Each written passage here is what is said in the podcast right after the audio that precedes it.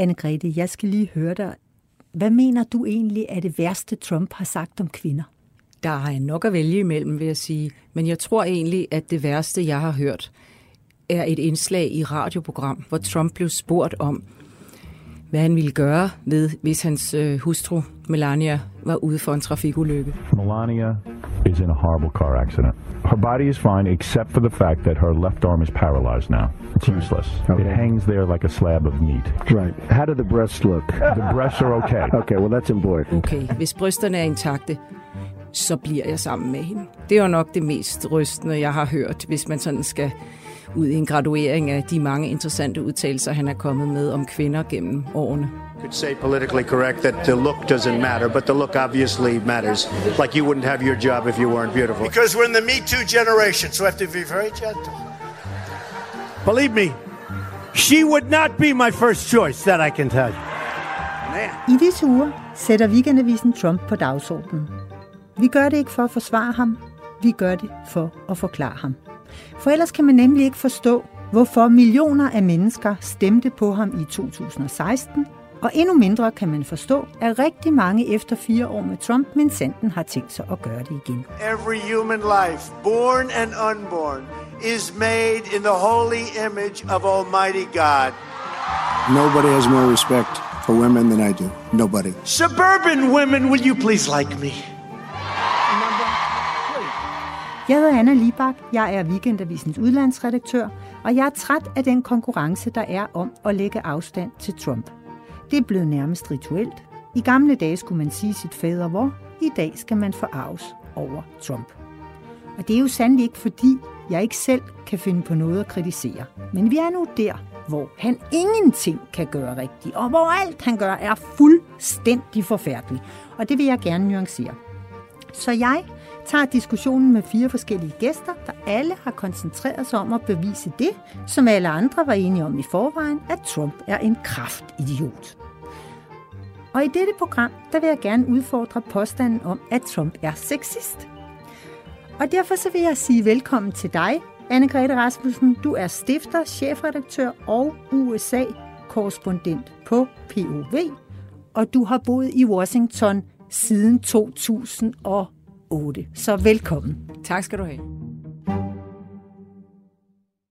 Mener du, at Trump han er sexist? Ja, det vil jeg nok mene, at han er. Hvorfor? Altså, dels er han øh, på mange måder en gammeldags mand kan man sige. Altså han er, øh, han står for, og han appellerer til de vælgere i USA, der godt kunne tænke sig et USA, sådan som det så ud i 1950'erne eller 60'erne. Altså der er rigtig mange såkaldt moderne synspunkter, der er de her vælgere imod, og dem appellerer han rigtig godt til. Og der har han en hel masse signaler, som han sender, øh, både i forhold til de mere eller mindre øh, farverige og interessante ting, han har sagt og gjort i forhold til kvinder. Og, og så er der selvfølgelig også øh, altså, man kan sige, kønssammensætningen i hans regering. Altså, der er 23 medlemmer af hans kabinet, og ud af de 23 er der tre kvinder. Altså, den var nok ikke gået øh, andre steder, eller i andre regeringer, øh, heller ikke i USA. Men hvis vi lige starter med, øh, med hans udtalelser først. Altså det, at han har en, et opfører sig som en gammeldags mand, gør det ham i sig selv til sexist? Nej, det er klart, det gør det ikke. Altså, der har jo også været mænd i 50'erne og 60'erne, som gik ind for ligestilling og ikke anså kvinderne for øh, underlegne i forhold til manden. Jeg vil sige, at det er nok altså mere den attitude, han har vist, både i sit ægteskab og i de udtalelser, han er kommet med på tv, som viser, at han har det meget svært med respekten for kvinder. Måske skulle vi lige prøve at høre nogle udtalelser, nogle bud på, hvad han egentlig har udtalt om kvinder. I moved on her like a bitch, but I couldn't get there, and she was married.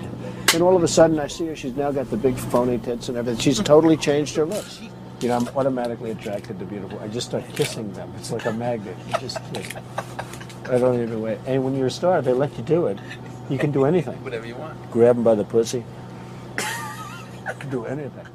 Der kan man jo sige, at det han siger, det er jo, at, øh, at man kan gøre hvad som helst ved kvinder, som efter man er blevet berømt, eller efter man har fået stor magt som mænd.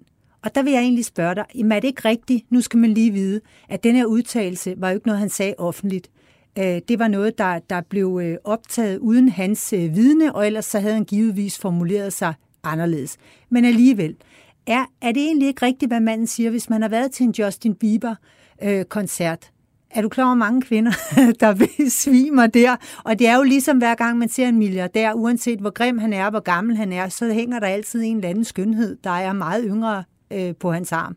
Helt sikkert.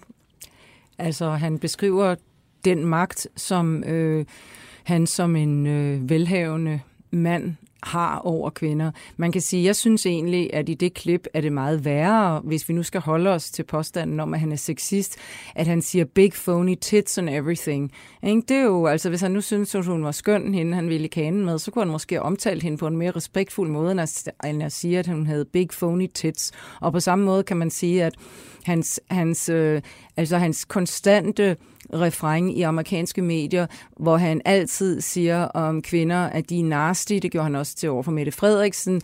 Og han siger, at de er low, uh, low intelligence. Det er mest sorte kvinder, der får den betegnelse. Altså det er sådan en måde at sende signaler på til vælgerne. Man kalder det for dog whistling i amerikansk politik, hvor man siger nogle ting, som man ikke vil sige øh, offentligt øh, lige ud, og så siger man det indirekte. Og det har han også rigtig meget med ved kvinder. Altså han siger, at de ser bedst ud på alle fire. Han øh, bedrager sin kone, så kan man jo sige, at i Danmark er det måske ikke så...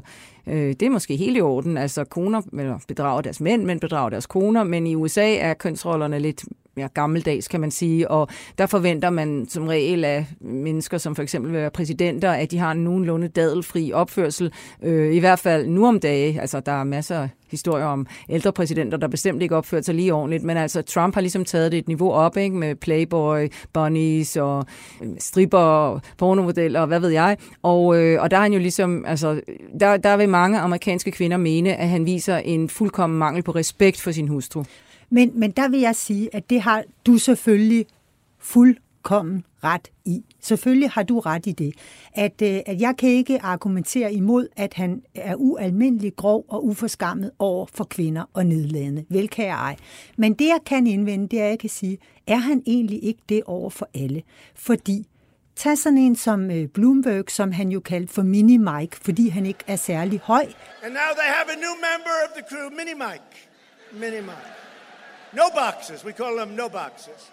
Eller han kalder Joe Biden for Sleepy Joe, fordi han er gammel og træt at se på. Now Sleepy Joe would say the unemployment rate in the great state of Ohio. No, no, you're in South Carolina. Joe, Joe, og han kalder Bernie Sanders øh, for crazy, crazy Bernie, fordi han godt kan se lidt vild ud. And then you have Bernie, crazy Bernie.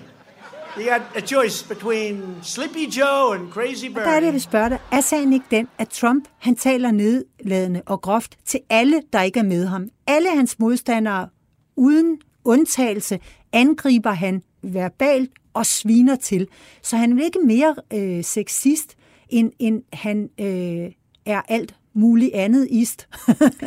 jo, altså øh, jeg synes egentlig, at der er en god parallel her til en øh, debat om sexisme, som jeg ved, I har haft i Danmark.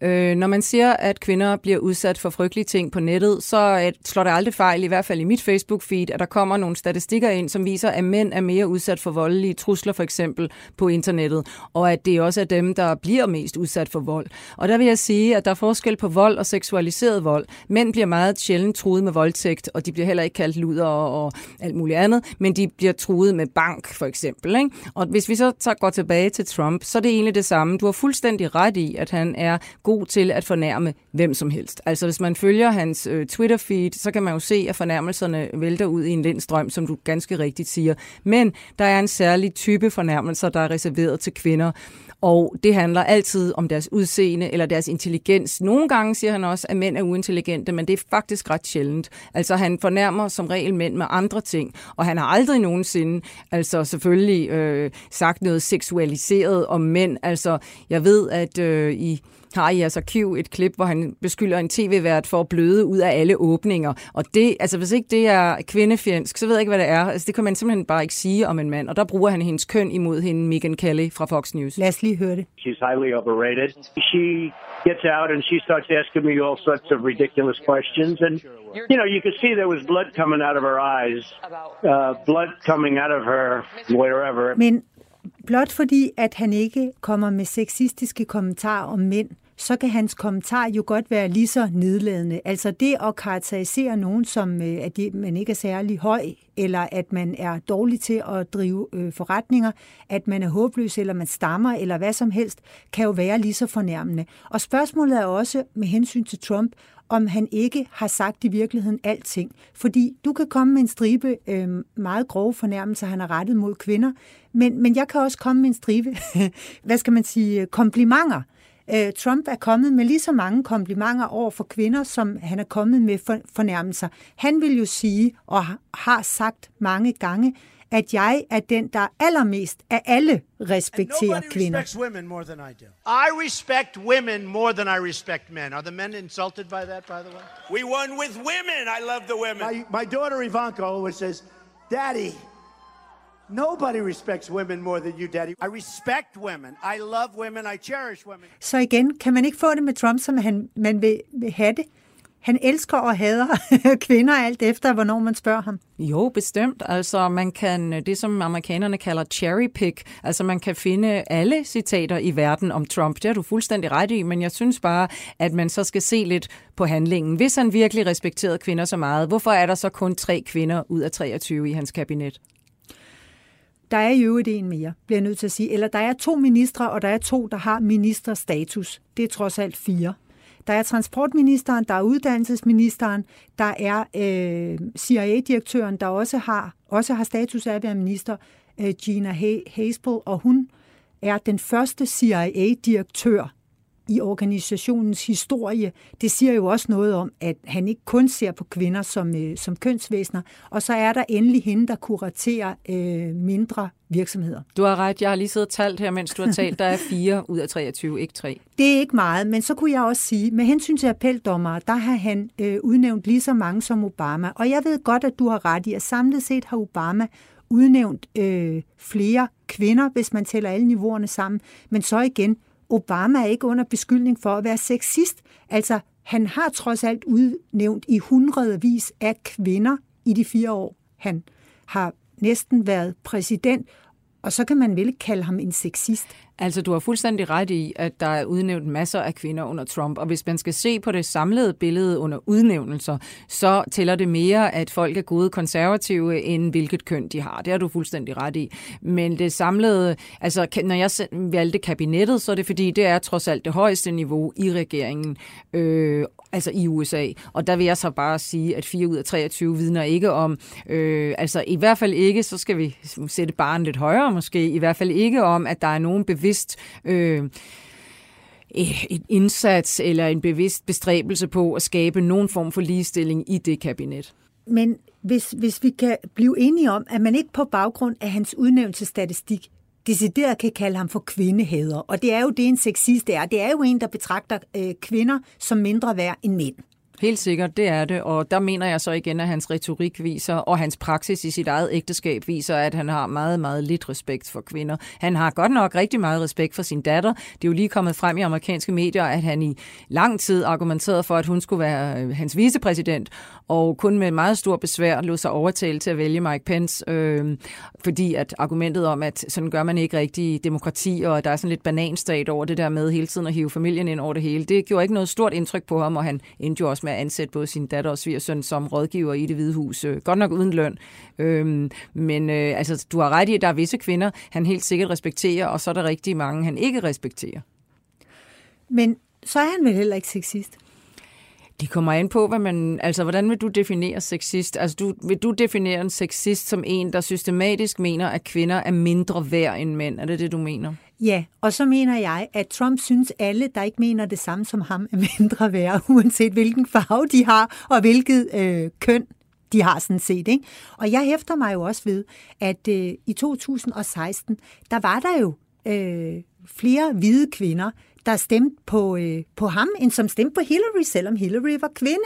Og det ville de vel næppe have gjort, hvis han var sådan en, der øh, var en rigtig sexist. Der vil jeg sige, at øh, der har der jo været lavet rigtig mange undersøgelser af for det første. Øh, så det, at hvide kvinder i forstederne især stemte øh, på Trump, kan nok forklares meget nemt i virkeligheden med, at de simpelthen er republikanere øh, for det første. Altså, dem, hvem stemte på Trump, det gjorde de mennesker, der var republikanere, og der var rigtig mange, og jeg kender da en hel del i mit eget øh, nabolag i Washington D.C., der mente og håbede eller troede, at når han først var blevet valgt, så ville han være en helt normal præsident. Så ville øh, systemets øh, tro mænd og kvinder øh, fra det republikanske parti og fra the establishment øh, ligesom øh, dressere ham, ligesom det er sket med alle andre tidligere præsidenter. Altså, der tog de grusomt fejl, kan man sige, og jeg vil så sige, at det kan godt være, at du kan komme med en statistik fra 2016, der viser, at hvide kvinder øh, stemte på Trump øh, mere end, eller i højere tal, end de stemte på Hillary Clinton. Det kan også skyldes abortspørgsmålet.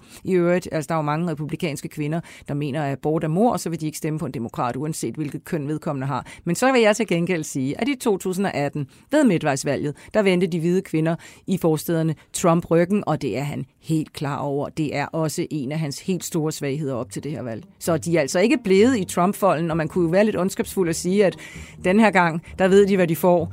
Det gjorde de jo faktisk ikke i 2016.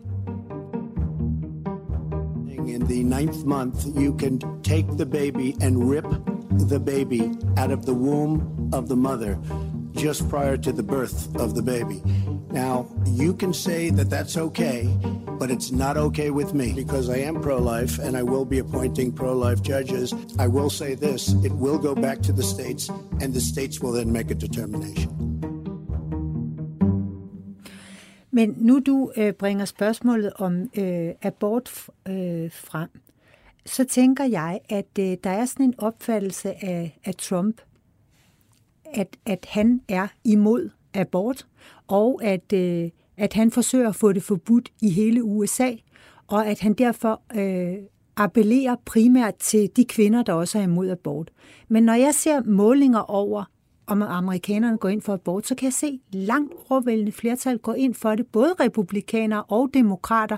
Så det ville være dumt, hvis han lagde sig an på det. Men det gør han. Nej, men det han lægger sig an på, det er, om der skal være begrænsninger i forhold til den abort, ikke lovgivning, men den højeste retsdom, der gælder for lovgivningen i USA, som er helt vildt set med danske øjne, hvor du faktisk har ret til at abortere helt frem til, at barnet er levedygtigt uden for livmoren. Ikke? Og det er jo i nogle stater, du har abortklinikker.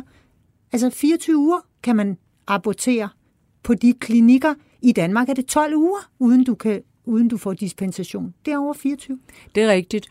Øh, det vil jeg ikke personligt gå ind for, vil jeg så sige, uden at der skulle være, altså så skulle der være meget tungtvejende grunde, øh, som truede moderens liv, eller at det kunne bevises, at fosteret alligevel ikke ville være levedygtigt efter fødslen. Men lad mig lige se i forhold til abort. Når jeg øh, sagde lige før, at det er dem, han appellerer til, så skal, vi lige, så skal dine lyttere, eller vores lyttere, lige vide, at det skyldes ikke kvinderne. For du har fuldstændig ret i, at der er et flertal, også blandt republikanske kvinder, for en, vis, for en eller anden form for ret til abort.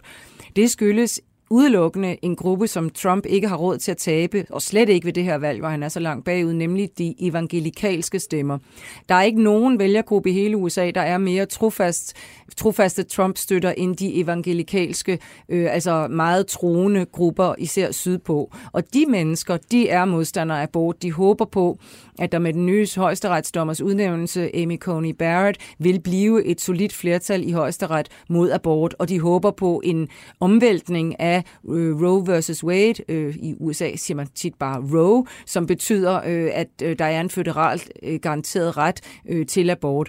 Og man kan sige, hvad med Trump selv? Jamen altså, vi ved jo alle sammen, Trump har været pro-choice, som det hedder. Han har da været aborttilhænger lige indtil den dag, han besluttede sig for at stille op til præsident. Der er et meget, meget sjovt udsnit fra øh, Bob Woodwards første bog, øh, Rage, hvor, øh, hvor to af Trumps, øh, to af dem han talte med lige før han besluttede sig til at stille op, hvor han siger, jeg stiller op, og så siger de, jamen det kan du jo ikke. Øh, du har jo givet penge til demokraterne, og så er du i øvrigt også for abort, hvor Trump er fuldstændig øh, overrasket og siger, jamen det laver jeg da bare om.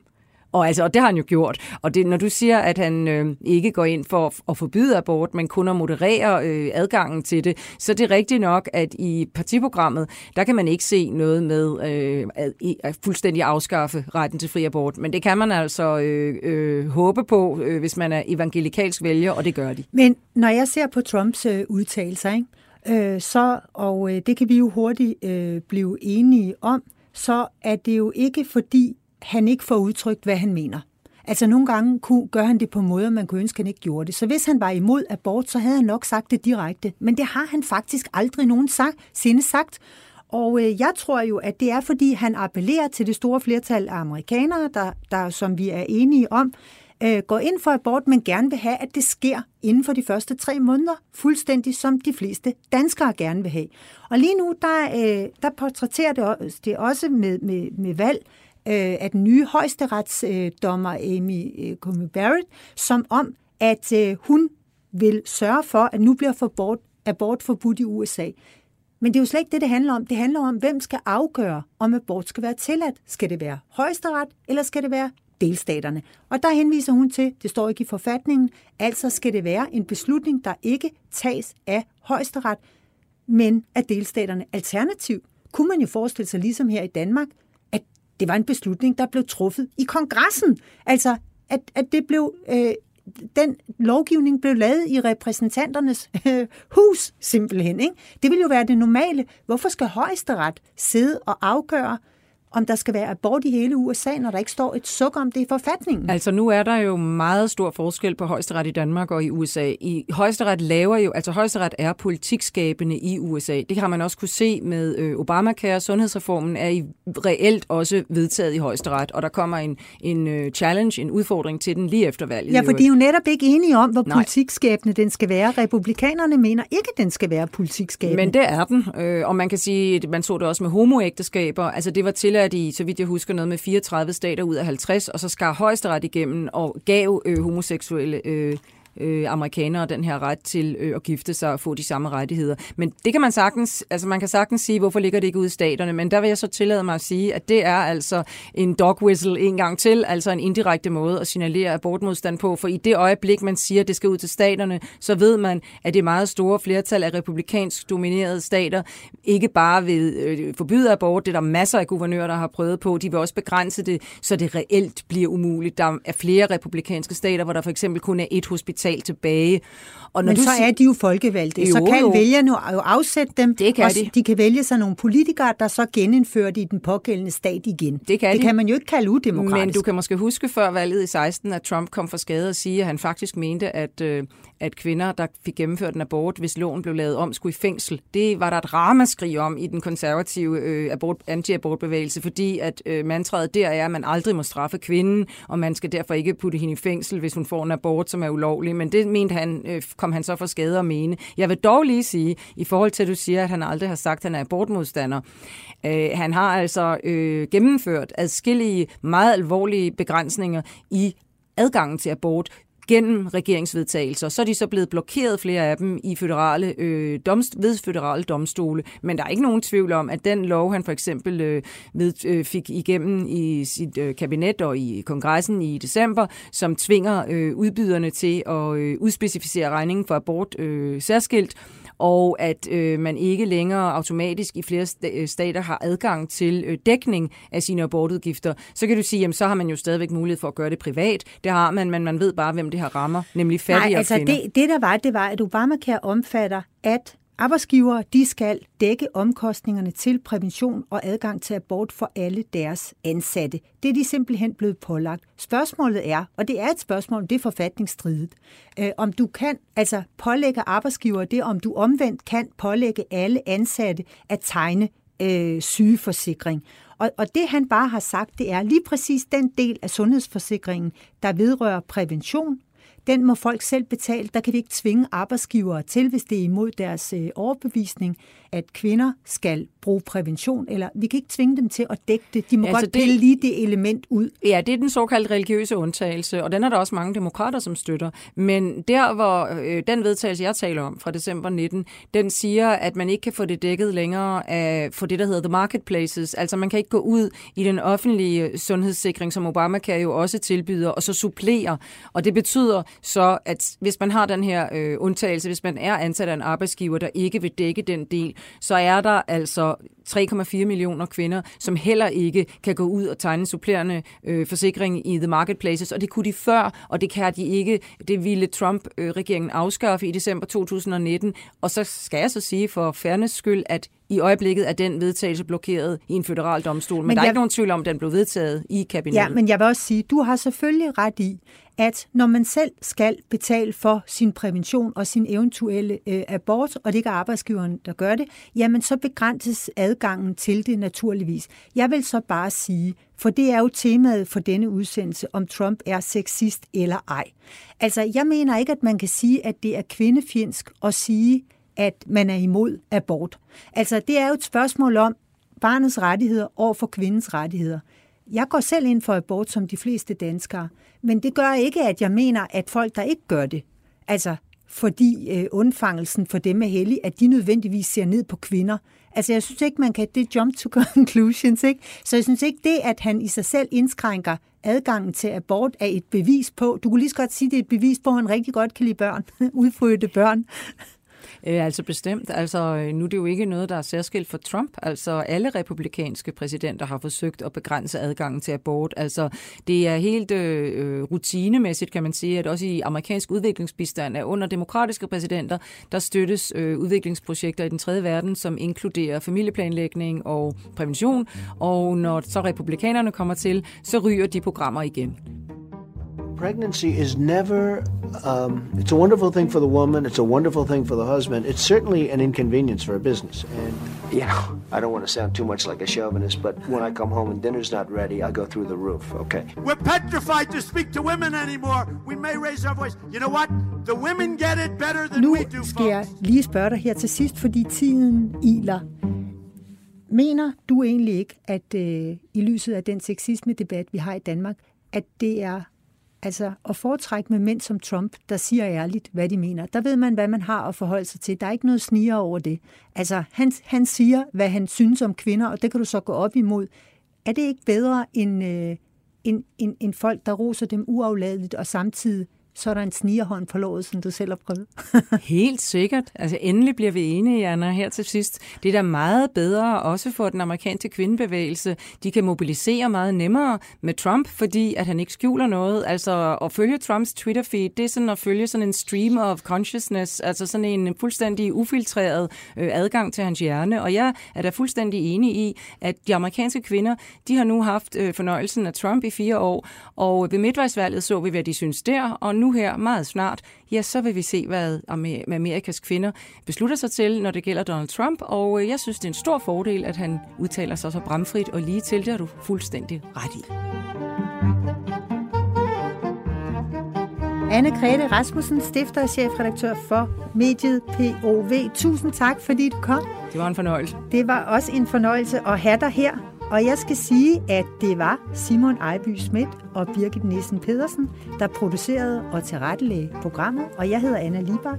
Og i næste uge, der diskuterer vi, om Trump er til fare for det amerikanske demokrati. Vi lånte klip fra CNN, TV2, Washington Post og Fox News på genhør i næste uge.